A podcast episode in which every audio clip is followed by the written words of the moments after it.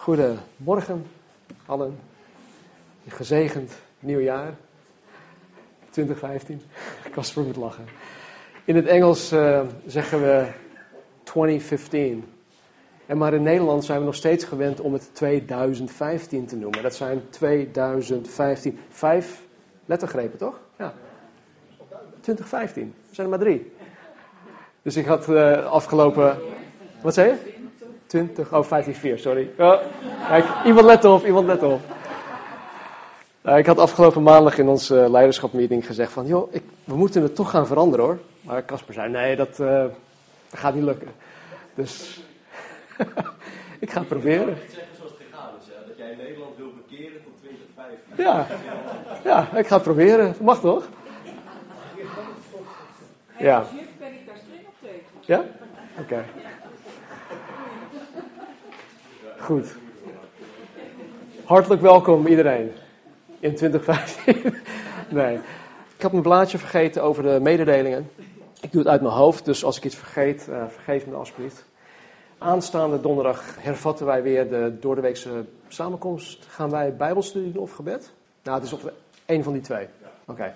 Dus Exodus 20 alvast lezen voor degenen die van plan zijn om aanstaande donderdag te komen. Dat is dat. Aanstaande zaterdag hebben we de mannenochtend. Voor het eerst dit jaar. In 2015. Heel goed nieuws. We hebben in de maand december nogal wat, wat grote giften binnengekregen. En waar wij eigenlijk uh, eind november in, in best wel wat financiële problemen zaten. We moesten het derde kwartaal van de huur nog betalen. En uh, daar hadden we het geld niet voor.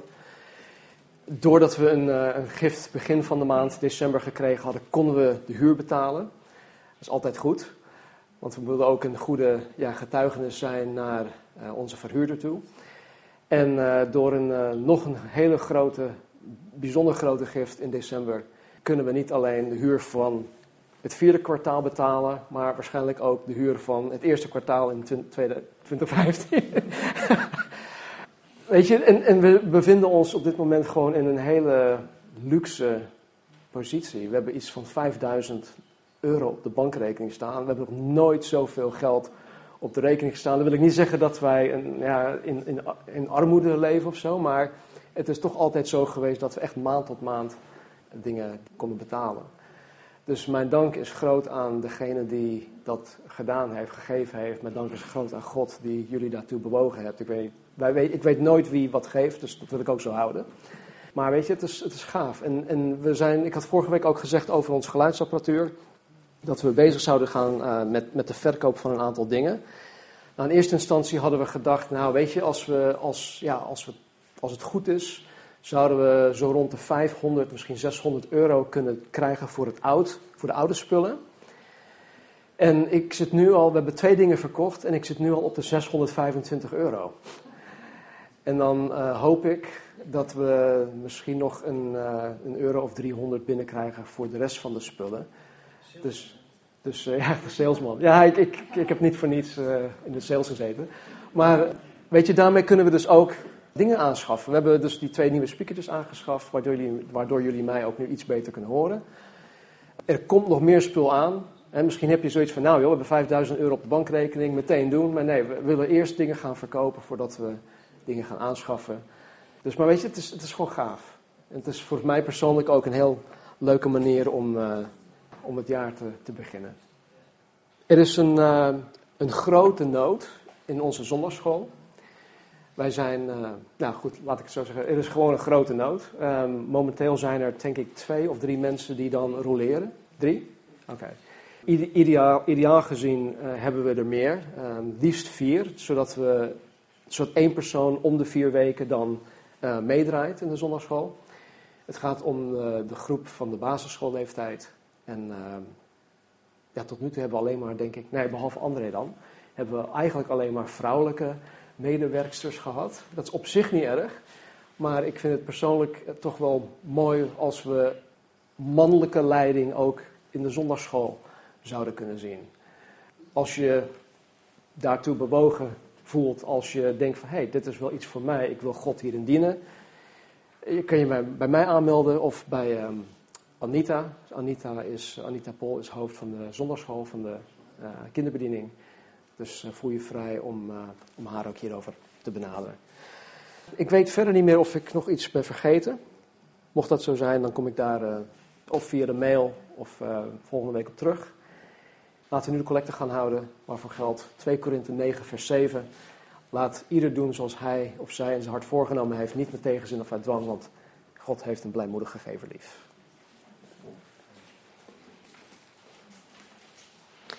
Er schiet me net weer iets te binnen. 21 januari bestaan wij als kerk acht jaar. En dan willen wij op zondag 25 januari willen wij dat gaan vieren. Dus dat wordt een uh, bijzondere dienst. Uh, vandaag doen wij Psalm 51. Vanaf volgende week gaan we verder met onze studie Matthäus. Maar op die bewuste dag, de 25e, gaan we iets anders doen uh, over de invulling. Um, ja, daar kom ik, kom ik nog op terug. Ik weet nog niet precies hoe we dat gaan doen. Maar als ik uh, naar onze lijst kijk, dan zie ik dat het merendeel van de mensen niet in het eerste jaar of eerste anderhalf jaar aanwezig was. Jullie zijn er allemaal later bijgekomen. Dus misschien is het goed om een stukje historie uh, te geven, een stukje achtergrond. Uh, om te laten weten hoe dit allemaal ontstaan is. Misschien ook door een aantal foto's te laten zien. Dat is altijd leuk. Maar uh, ja, ik zat te kijken naar foto's. Uh, André de Haan, die nu zo groot is, die was zo'n stuk kleiner toen wij begonnen. Dus ja. En Roelof met zijn wilde haren. Ja. Goed. Weet je, um, het nieuwjaar, of de jaarwisseling, is uh, voor, voor de meeste mensen toch een bijzonder moment om stil te staan bij het afgelopen jaar, om vooruit te kijken naar het jaar dat voor hen ligt.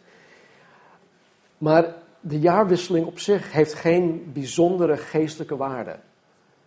de tijd gaat gewoon door. En uh, ik vind het een mooi hoe Paulus dat ook zegt. Hij zegt, voor de, de een viert bijzondere dagen, de ander niet. Hij zegt, voor mij zijn elke dagen gewoon allemaal gelijk. Hij doet, hij doet niet moeilijk over, nou, ik ga dit per se vieren of ik moet dat per se gaan vieren. Nee, voor hem zijn alle dagen gelijk. En zo sta ik er zelf ook een beetje in. Alleen wil ik er wel bij zeggen dat wij wel de kansen en de gelegenheden moeten aangrijpen uh, om het evangelie te gaan verkondigen. En ik denk dat bijvoorbeeld met de kerst dat dat een uitgelezen kans is om het evangelie aan de man te brengen. Dus um, Nogmaals, het heeft geen bijzondere geestelijke waarde, maar het is wel een goed moment om stil te staan bij hoe wij het nieuwjaar in kunnen gaan. En dan bedoel ik niet dat je, zoals vele mensen dat doen, daar ben ik zelf ook schuldig aan, dat je vluchtig allerlei goede voornemens doet, maar dat je concreet één ding in je leven dat eeuwigheidswaarde heeft, anders gaat doen. Nou, wat hebben wij in ons leven dat eeuwigheidswaarde heeft? Wat hebben wij in ons? Wat doen wij? Wie zijn wij dat eeuwigheidswaarde heeft? En wat kunnen wij op dat gebied dit jaar anders gaan doen? Nou, mocht God al tot je doorgedrongen hebben over, over dit onderwerp, dan is het hartstikke gaaf. Hè? Want God die spreekt tot ons, hij spreekt tot ons door zijn woord, hij spreekt tot ons door zijn geest. Mocht je op dit moment geen flauw idee hebben wat God wil dat je in je leven gaat veranderen, dan hoop ik dat vanmorgen iets zal bijdragen aan, aan wat God van jou wil. Dat Hij dat in ieder geval duidelijk gaat maken. Wij hebben, of um, ik ga vanmorgen iets, ja, iets uit Psalm 51 met jullie doornemen. We gaan de hele psalm wel doorlezen. Het zal geen diepe studie worden, maar het is meer voor mij een, uh, ja, we noemen dat een devotional reading. Dat we gewoon er doorheen gaan en ik deel eigenlijk alleen maar met jullie wat God tot mij gesproken heeft. Want Marnie en ik hebben dit vorige week uh, gelezen. En ik dacht van weet je, dit is misschien een goed moment om het ook op deze zondag met jullie te gaan delen. Nou, hoe dan ook, ik weet zeker dat God vanmorgen door zijn woord tot ons zal spreken. Dus laten we onze Bijbels openslaan op Psalm 51. Mocht je. Zijn er nog Bijbels over? Oké. Mocht je een Bijbel nodig hebben, dan ligt er achter nog een Bijbel voor je. Oké, Psalm 51 vanuit de nieuwe herziene staatsvertaling. Een psalm van David voor de koorleider toen de profeet Nathan bij hem was gekomen. Nadat hij, met, nadat hij, Bathseba was, nadat hij bij Bathseba was gekomen. Wees mij genadig, o God, overeenkomstig uw goede tierenheid. Delg mijn overtredingen uit, overeenkomstig uw grote barmhartigheid. Was mij schoon van mijn ongerechtigheid. Reinig mij van mijn zonde, want ik ken mijn overtredingen. Mijn zonde staat mij voortdurend voor ogen. Tegen u, u alleen heb ik gezondigd. Ik heb gedaan wat kwaad is in uw ogen, zodat u rechtvaardig bent wanneer u recht spreekt en rein bent wanneer u oordeelt. Zie, ik ben in ongerechtigheid geboren, in zonde heeft mijn moeder mij ontvangen. Zie, u vindt vreugde in waarheid, in het binnenste. In het verborgene maakt u mij wijsheid bekend. Ontzondig mij met hyssop, dan zal ik rein zijn. Was mij, dan zal ik witter zijn dan sneeuw. Doe mij vreugde en blijdschap horen. Laat de beenderen zich verheugen die u verbrijzeld hebt. Verberg uw aangezicht voor mijn zonden. Delg al mijn ongerechtigheden uit. Schep mij een rein hart, o God, en vernieuw in mijn binnenste een standvastige geest. Verwerp mij niet van voor uw aangezicht en neem uw heilige geest niet van mij weg. Geef mij de vreugde over uw heil terug. Ondersteun mij met een geest van vrijmoedigheid. Dan zal ik overtreders uw wegen leren, overtreders uw wegen leren en zondaars zullen zich tot u bekeren. Red mij van bloedschulden, o God, God van mijn heil. Dan zal mijn tong vrolijk zingen van uw gerechtigheid. Heere, open mijn lippen, dan zal mijn mond uw lof verkondigen. Want u vindt geen vreugde in offers, anders zou ik ze brengen. In brandoffers schept u geen behagen. De offers voor God zijn een gebroken geest, een verbrijzeld en verslagen hart. Zult u, o God, niet verachten. Doe goed aan Sion, naar uw welbehagen. Bouw de muren van Jeruzalem op, dan zult u vreugde vinden in offers van gerechtigheid, in een brandoffer en een offer dat geheel verteerd wordt. Dan zal men jonge stieren offeren op uw altaar. Nou, even terug naar vers 1. Althans, de introductie. Een psalm van David voor de koorleider. Toen de profeet Nathan bij hem was gekomen. Nadat hij, Bathseba, nadat hij bij Bathseba was gekomen. Koning David. De meest bekende koning van Israël. Die had tot op dit moment in zijn leven echt prachtige dingen met God meegemaakt. Hij heeft God op allerlei verschillende wijzen zien werken. In zijn eigen leven, door zijn leven heen, in Juda en Israël, noem maar op. Tegelijkertijd heeft David ontzettend veel geleden. Vijftien jaar lang was hij in ballingschap en met koning Saul op de hielen.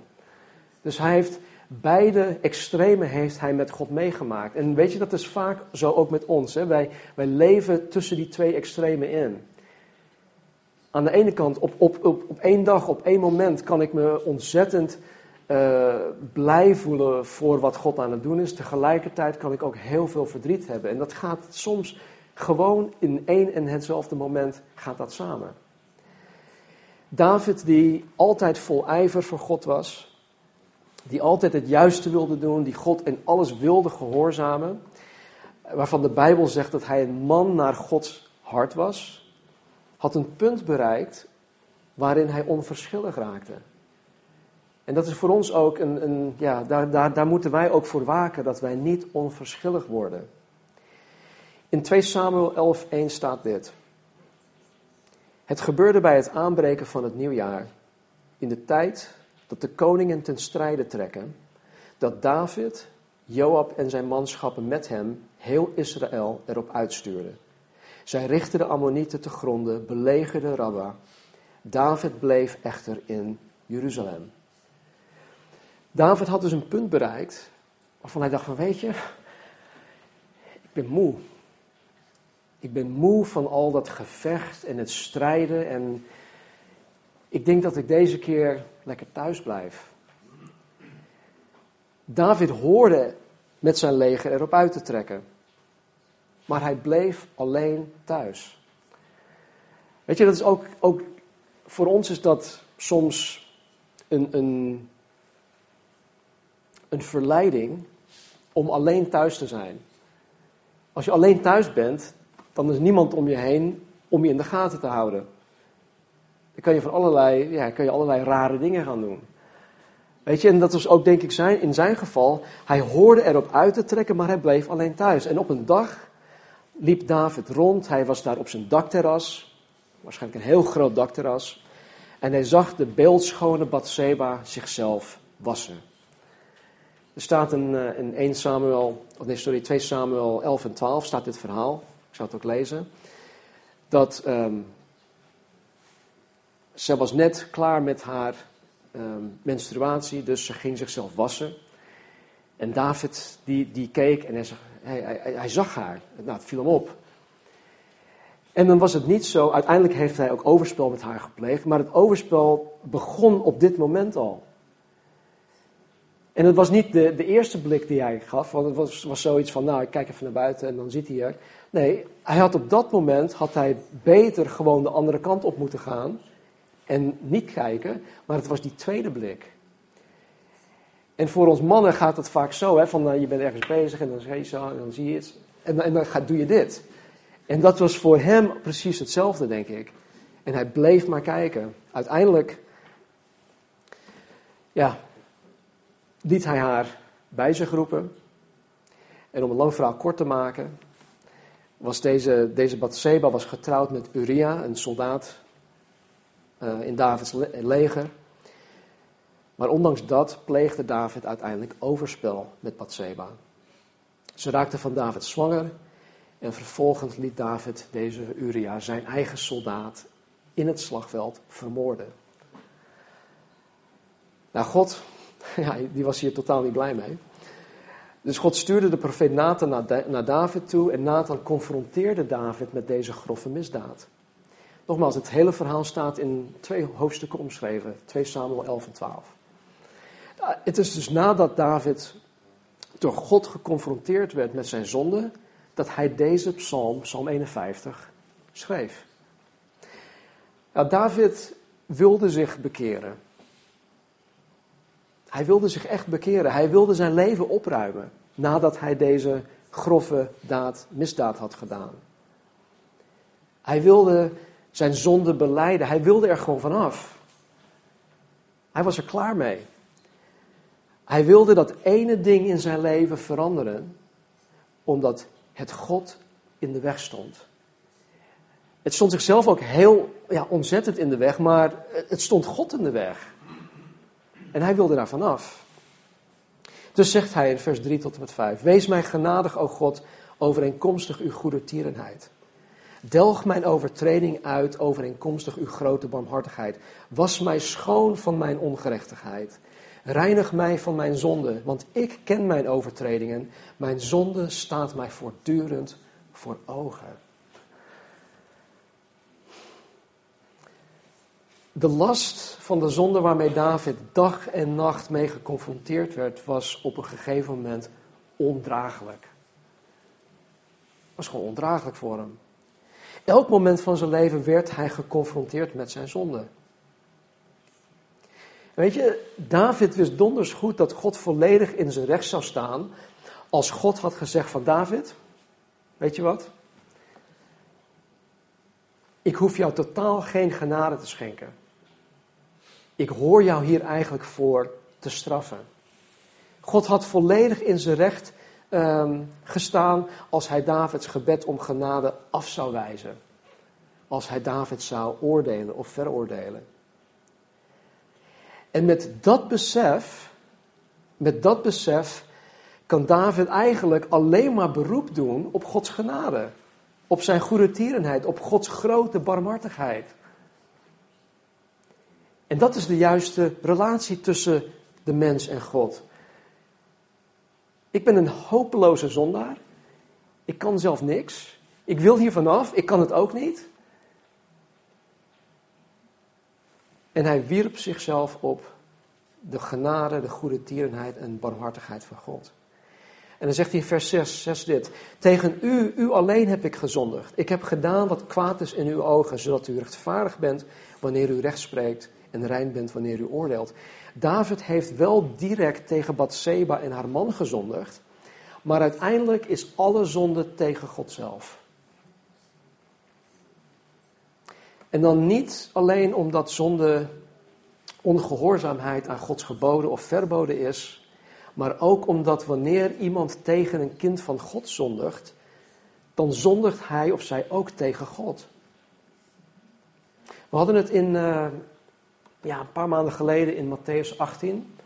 Hadden we het over als iemand tegen je zondigt, bespreek het met hem alleen onder vier ogen. Als hij naar je luistert, heb je hem of haar gewonnen.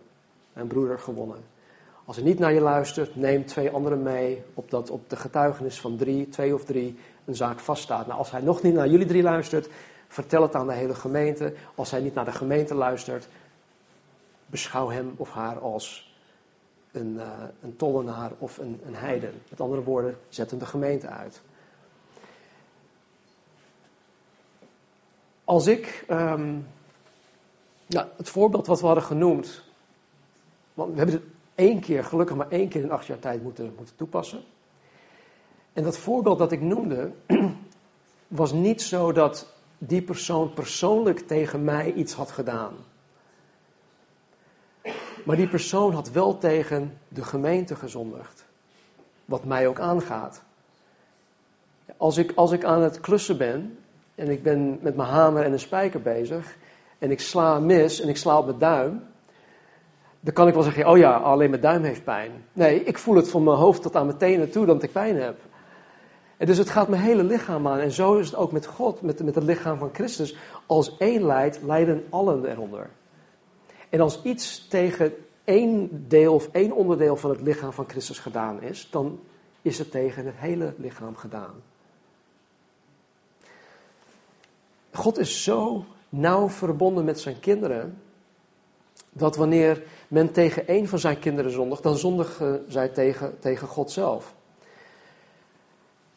Weet jullie nog in Handelingen 9, toen Jezus Paulus bij de kraag greep? In Handelingen 9 zien we het verhaal. Jezus verschijnt in zijn verheerlijke vorm. En dan zegt hij tegen Paulus, die toen nog Saul heette, waarom vervolgt u mij? En hij zegt Paulus, wie bent u Heer?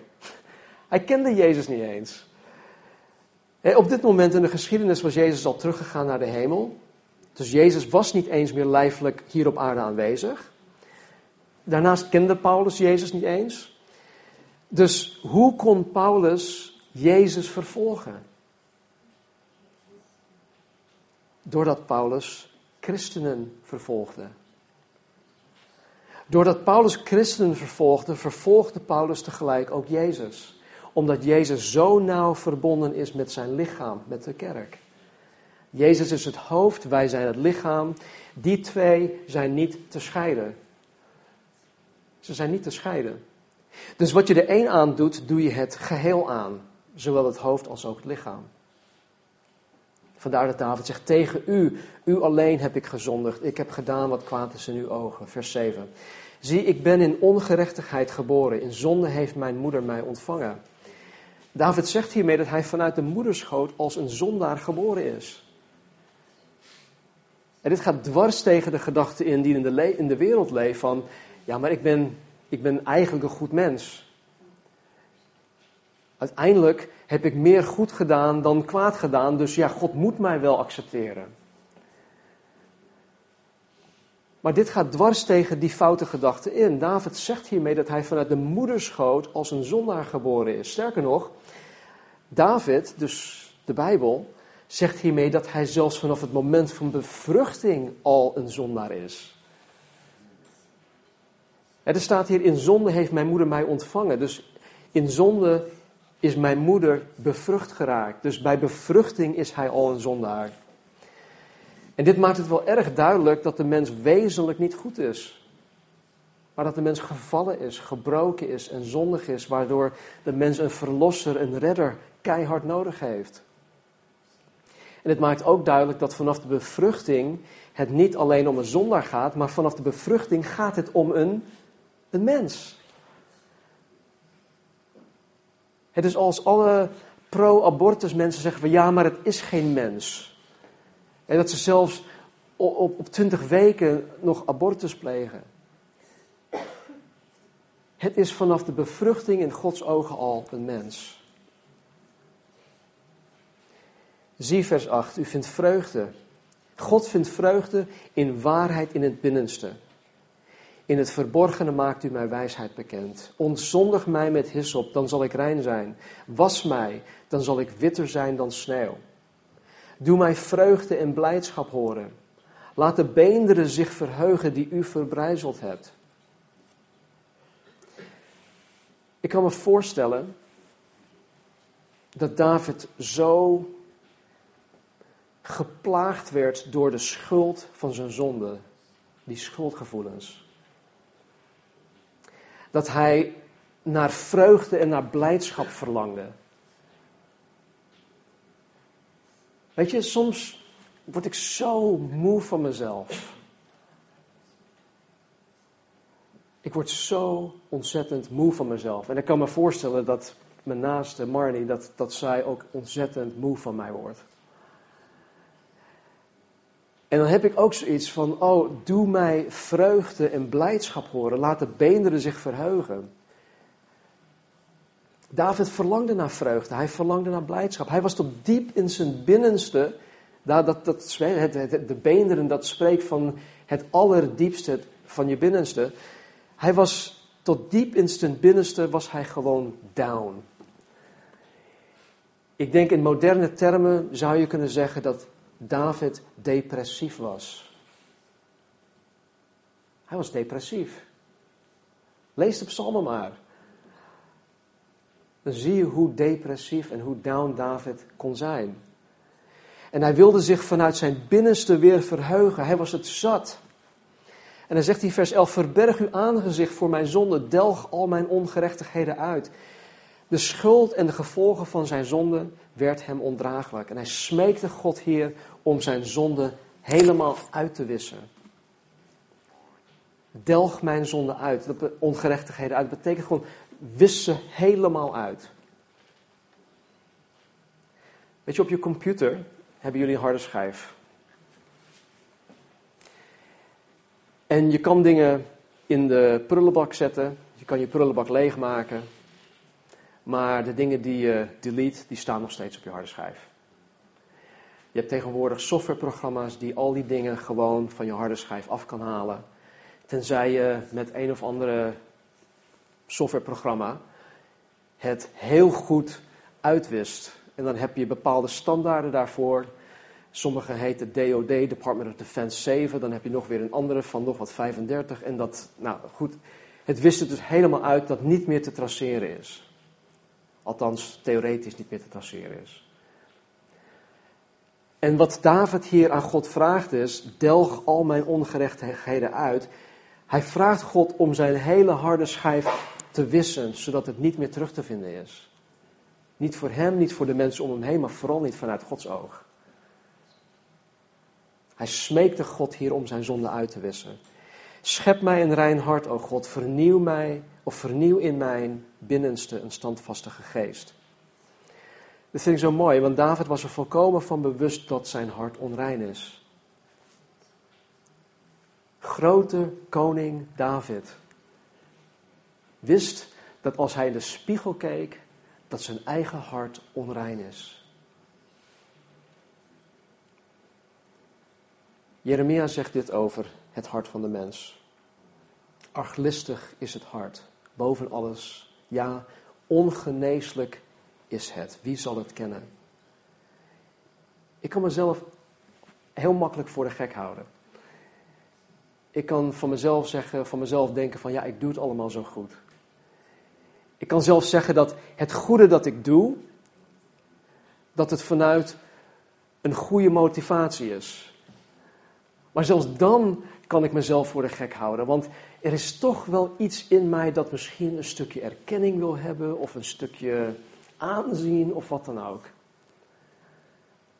Weet je, het hart volgens de Bijbel is arglistig. Boven alles, ja, het is ongeneeslijk ziek. Wie zal het kennen? Verwerp mij niet van voor uw aangezicht en neem uw heilige geest niet van mij weg. Ik weet niet of jullie het weten, maar in het Oude Testament was de heilige geest slechts op enkele individuen aanwezig. Het was niet zo dat het nu is. Wij zijn, wij zijn zo bevoorrecht dat de Heilige Geest niet alleen aanwezig is, maar dat Hij inwoning in ons neemt. Wij hebben de kracht van God ontvangen om getuige te zijn. Maar dat was toen niet zo. Het was slechts aanwezig op, op enkele individuen. En David had zelf meegemaakt hoe God de Heilige Geest van koning Saul wegnam. Hij is dus volkomen van bewust dat de aanwezigheid van de Heilige Geest in zijn leven niet vanzelfsprekend is. Simpson, die had het op een gegeven moment niet eens door dat God de Heilige Geest van hem wegnam. Zo ver was hij in zijn waan over zichzelf. Geef mij de vreugde over uw heil terug. Ondersteun mij met een geest van vrijmoedigheid. Weet je, David was het spoorbijster. En hij wist dat de enige manier om zijn leven weer in het gereel te krijgen was door de vreugde van Gods heil weer voor ogen te krijgen. Op zijn netvlies te hebben. Kijk, als ik als Gods kind, als christen zijnde, alleen maar met mijn problemen en met mijn onmogelijkheden bezig ben, dan ben ik echt niet te genieten.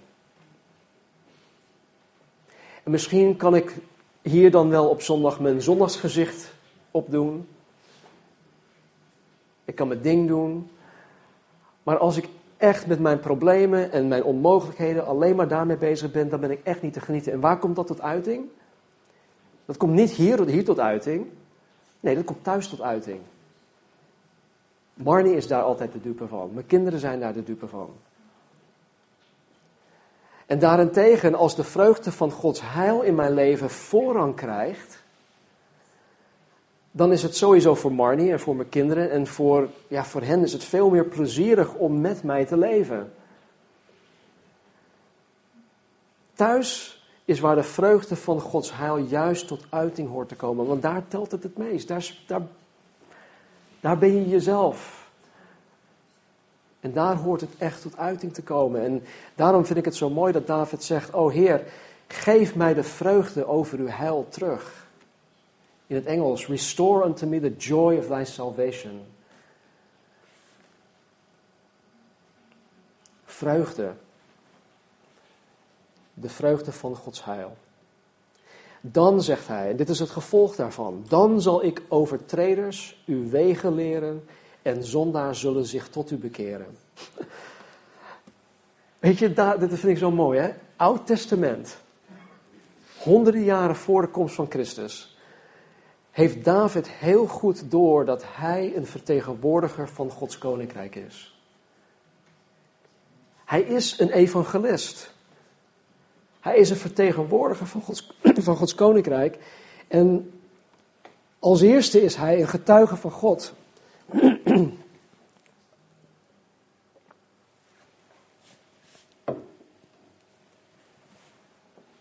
En zoals iedere wedergeboren christen het evangelie met mensen hoort te delen, moest David dat ook. Dan noemde hij het niet het evangelie, maar het komt uiteindelijk op hetzelfde neer. David moest het evangelie verkondigen. En David wist ook heel goed dat hij anderen niet tot God kon leiden als hij zelf bleef aanmodderen in zijn huidige staat. Er moest iets gebeuren. Hij moest dat ene ding in zijn leven dat eeuwigheidswaarde heeft anders gaan doen.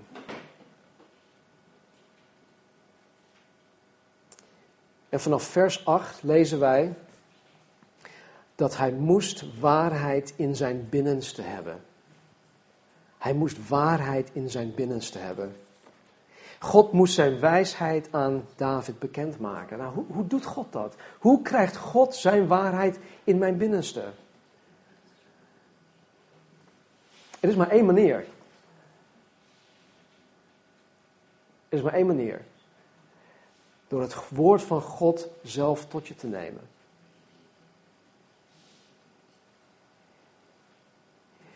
In 2 Timotheus 2, vers 15 even mijn eigen losse vertaling staat er, beijver je om jezelf beproefd aan God te stellen. En dat je het woord van God recht snijdt. Met andere woorden, we kunnen niet zonder de Bijbel leven. We kunnen de waarheid van God niet in ons binnenste krijgen zonder dat wij de Bijbel eigen maken. Ik heb, toen ik een tiener was, ik had ooit, denk ik tussen aanhalingstekens, mijn hart aan de Heer gegeven. Ik werd zelfs op 14 of 15-jarige leeftijd gedoopt. Vervolgens keerde ik mijn rug naar God toe en ik ging de wereld in. Maar ik dacht echt voor twee jaar lang, dacht ik, ah joh, ik ga toch elke zondag of om de zondag naar de kerk. Ik hoef zelf de Bijbel niet te lezen. Weet je, en veel christenen denken dat zij christen kunnen zijn zonder dat zij de Bijbel eigen maken. Zonder dat, wat Paulus in Colossense zegt, dat het woord van Christus rijkelijk in hen woont. Dus de waarheid moest David in zijn binnenste hebben. David moest rein zijn, hij moest onberispelijk zijn. Vreugde en blijdschap moest in zijn leven de boventoon voeren. Hij moest tegelijkertijd ook de zekerheid hebben dat al zijn zonden uitgewist waren. Dat hij met een schone lei kon beginnen. En dat hij geen schuldgevoel meer zou hebben. En dat is het mooie van het werk aan het kruis van Jezus Christus. Dat hij neemt niet alleen juridisch gezien de schuld van ons weg, maar hij neemt ook de schuldgevoelens weg. Dus laat jezelf en laat de Satan je niet een schuldgevoel opleggen of op je inpraten. Nou, Jezus heeft ons vergeven. Hij is aan het kruis gegaan voor onze zonden. David moest een rein hart en een standvastige geest hebben.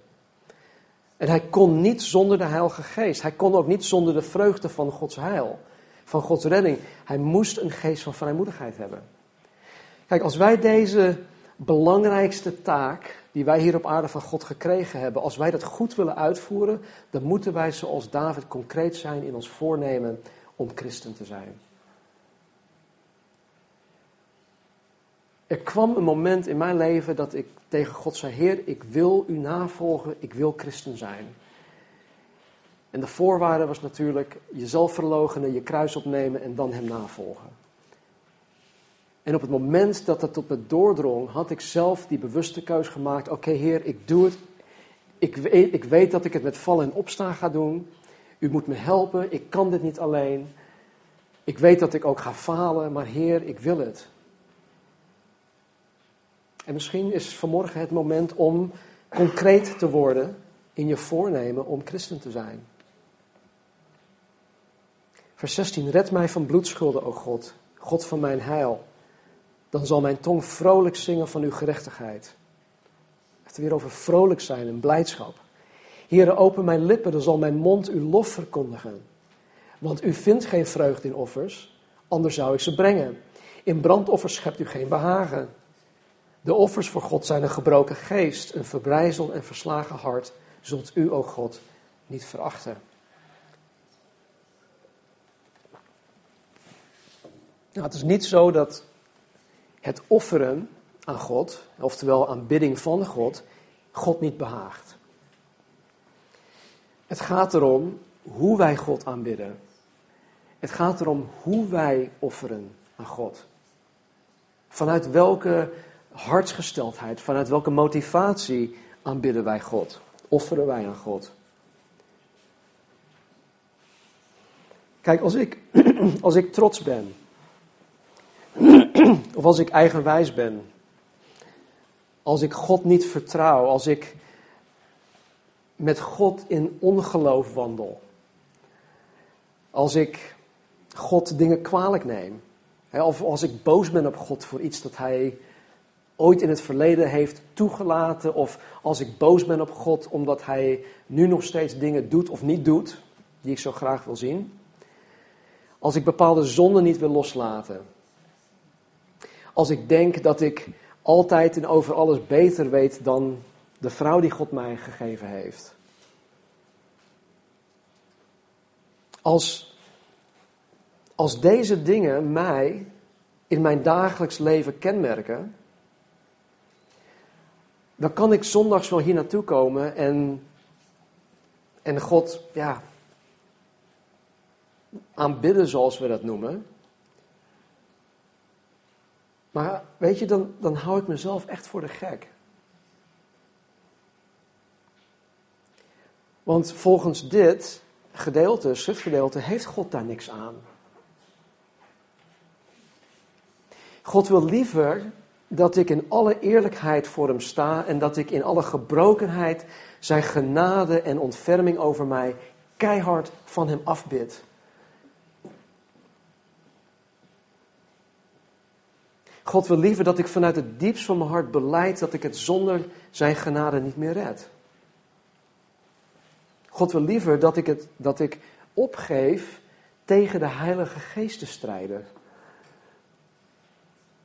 Weet je, de Heilige Geest is zo liefdevol en zo geduldig met mij.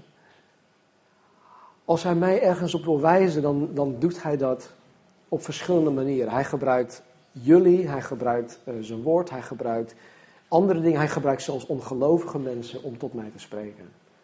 Om mij op bepaalde dingen aan te spreken.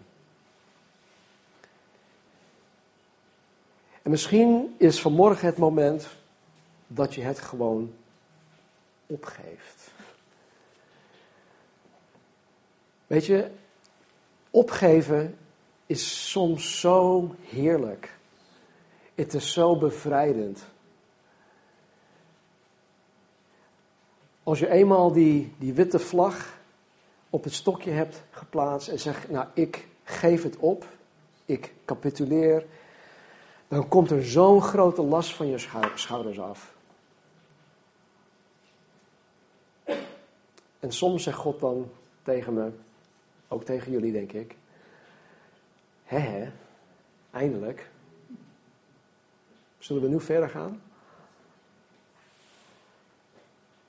Vers 20 en 21 tot slot. Doe goed aan Sion naar uw welbehagen. Bouw de muren van Jeruzalem op, dan zult u vreugde vinden in offers van gerechtigheid. In een brandoffer en een offer dat geheel verteerd wordt. Dan zal men jonge stieren offeren op uw altaar. Nou kijk, waar dit op neerkomt is als ik God in geest en in waarheid aanbid, dan zal God vreugde vinden in mijn aanbidding. In mijn offer. Nou, wat ik hieruit persoonlijk heb kunnen halen is dit. David wilde rust in zijn leven hebben. Ik heb zelf ook behoefte aan rust. Er gebeuren in mijn leven als vader zijnde, als man zijnde, dingen die mij onrustig maken. Onze jongste dochter die gaat binnen twaalf dagen, is uitgerekend, die gaat bevallen. Alyssa die gaat ook over een paar maanden bevallen. hoeveel weken nog? Acht, weken, acht weken. Dat zijn dingen die, die mij sowieso onrustig kunnen maken. Weet je, dus ik heb behoefte aan rust. Ik wil rust in mijn leven hebben. David wilde vreugde in zijn leven hebben. David wilde vrede en blijdschap in zijn leven hebben. Ik denk dat wij vanmorgen daar allemaal wel behoefte aan hebben. Aan rust, aan vrede, aan vreugde. Wie, wie wil niet blij zijn? Weet je, en misschien is 2014 een jaar geweest waarvan je denkt van, oh, nou, die wil ik nooit meer overdoen. Die jaren heb ik ook wel eens gehad. En dat je nu op het punt staat dat je zoiets hebt van, nou, ik, ik wil gewoon rust hebben. Rust in mijn hoofd, rust in mijn relatie. In, in, ik wil thuis rust hebben. Ik wil, ik wil weer blij zijn. Ik wil gewoon blij zijn.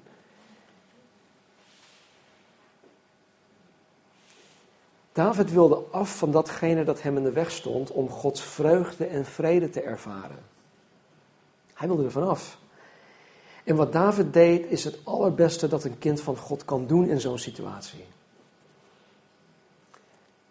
En dan niet alleen in zo'n situatie, maar ik denk in heel veel situaties.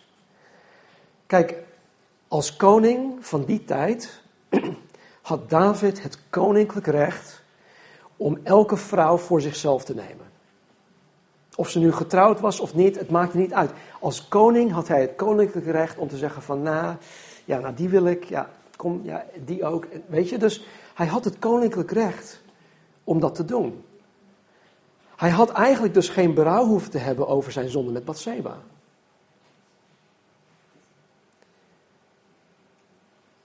Als zondig mens had David ook gewoon Bathseba de schuld kunnen geven.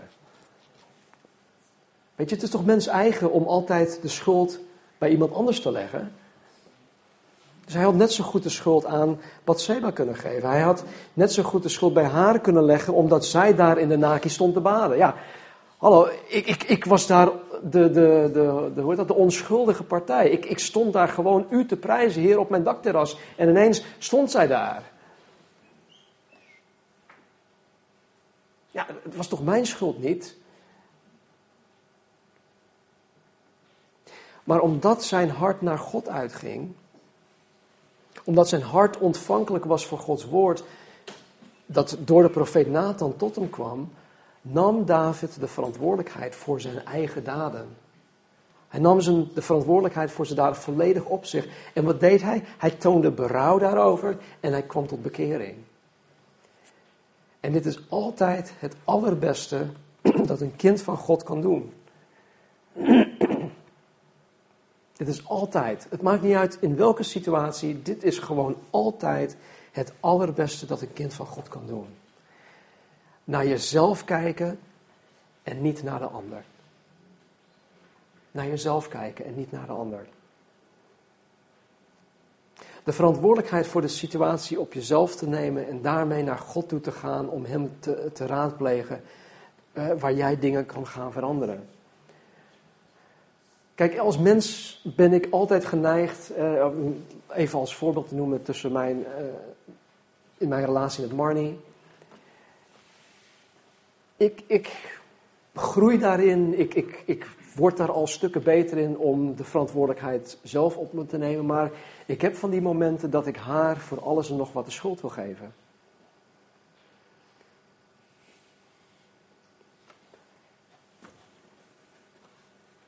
En dan word ik door God teruggefloten. En dan, dan krijg ik te horen van, hé hey, luister vriend. Jij moet in de spiegel kijken. Jij moet naar jezelf kijken. Niet naar haar. Zij, jouw vrouw, dat is mijn zaak, zegt God tegen mij. En jij, jij bent ook mijn zaak. Ik heb jou niet geroepen om je vrouw te gaan veranderen.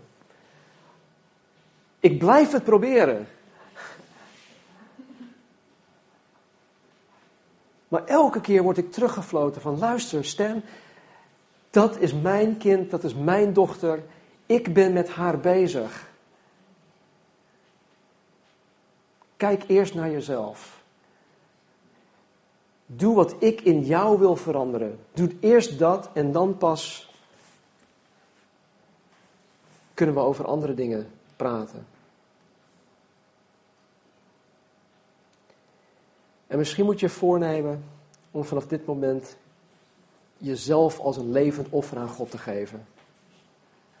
In al je gebrokenheid. Paulus verwoordt het ook heel mooi in Romeinen hoofdstuk 12. Dat wij onszelf, ons lichaam, als een welgevallig offer aan God geven. Dat is onze redelijke eredienst. Het meest redelijke dat ik kan doen, is mezelf, mijn lichaam aan God offeren.